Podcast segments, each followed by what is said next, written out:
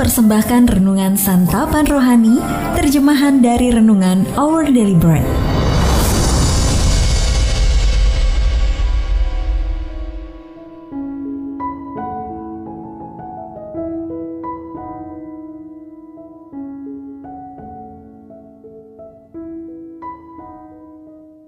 Sahabat ODB, pembacaan Alkitab hari ini terambil dari 1 Timotius pasal yang pertama ayat yang ke-12 sampai dengan ayat yang ke-16.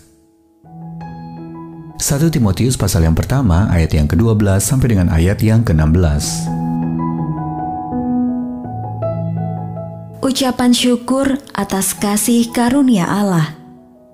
Aku bersyukur kepada Dia yang menguatkan aku, yaitu Kristus Yesus Tuhan kita karena ia menganggap aku setia dan mempercayakan pelayanan ini kepadaku.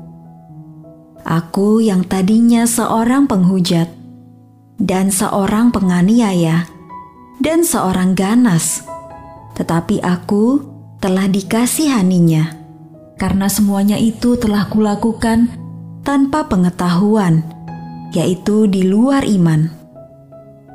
Malah kasih karunia Tuhan kita itu telah dikaruniakan dengan limpahnya kepadaku, dengan iman dan kasih dalam Kristus Yesus. Perkataan ini benar dan patut diterima sepenuhnya. Kristus Yesus datang ke dunia untuk menyelamatkan orang berdosa, dan di antara mereka, akulah yang paling berdosa. Tetapi justru karena itu aku dikasihani, agar dalam diriku ini, sebagai orang yang paling berdosa, Yesus Kristus menunjukkan seluruh kesabarannya. Dengan demikian, aku menjadi contoh bagi mereka yang kemudian percaya kepadanya dan mendapat hidup yang kekal. Ayat Mas Renungan hari ini terambil dari 1 Timotius pasal yang pertama ayat yang ke-15. Kristus Yesus datang ke dunia untuk menyelamatkan orang berdosa, dan di antara mereka, akulah yang paling berdosa. Renungan hari ini berjudul Hadiah yang Tidak Selayaknya Diterima, ditulis oleh Karen Pimpo. Saya terkejut ketika seorang teman memberi saya hadiah baru-baru ini. Saya merasa tidak layak menerima hadiah sebagus itu darinya. Ia mengirimkannya setelah mendengar saya sedang mengalami tekanan di tempat kerja. Padahal ia sendiri juga mengalami banyak tekanan.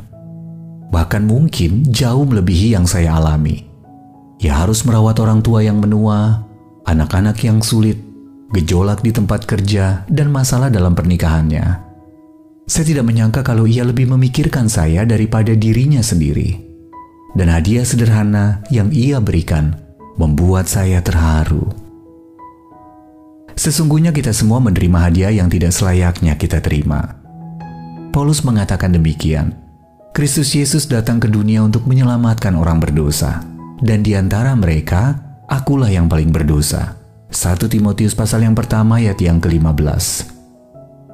Meski Paulus tadinya seorang penghujat dan seorang penganiaya dan seorang ganas, kasih karunia Tuhan kita itu telah dikaruniakan dengan limpahnya kepadanya. Tuhan Yesus yang telah bangkit memberi Paulus pengertian yang mendalam tentang kasih karunia yang diterimanya secara cuma-cuma. Alhasil, ia belajar apa artinya menjadi seseorang yang tidak selayaknya menerima karunia tersebut. Dan pada gilirannya, ia pun menjadi alat yang luar biasa di tangan Allah untuk mengabarkan kasih Allah kepada banyak orang dan menceritakan apa yang telah Allah lakukan baginya. Hanya melalui kasih karunia Allah kita menerima kasih sebagai ganti hukuman dan belas kasihan sebagai ganti penghakiman. Hari ini marilah kita rayakan kasih karunia Allah yang tidak selayaknya kita terima dan selalu mengupayakan cara untuk menunjukkan kasih karunia tersebut kepada sesama. Sahabat ODB sudah lupakah Anda pada kasih karunia ajaib yang pernah Anda terima? Lalu, apa jadinya ketika kita didorong kembali oleh kasih karunia Allah? Mari kita berdoa. Ya Bapa tolong aku untuk lebih memahami apa artinya meneruskan kasih karuniamu kepada sesamaku. Amin. Jika Anda ingin mendapatkan buku renungan ini dalam bahasa Indonesia, Inggris atau Mandarin, WhatsApp kami di 0878 7878 9978 atau email indonesia@odb.org. Persembahan kasih dari Anda memampukan Our Bread Ministries menjangkau orang-orang agar diubahkan. Tuhan memberkati.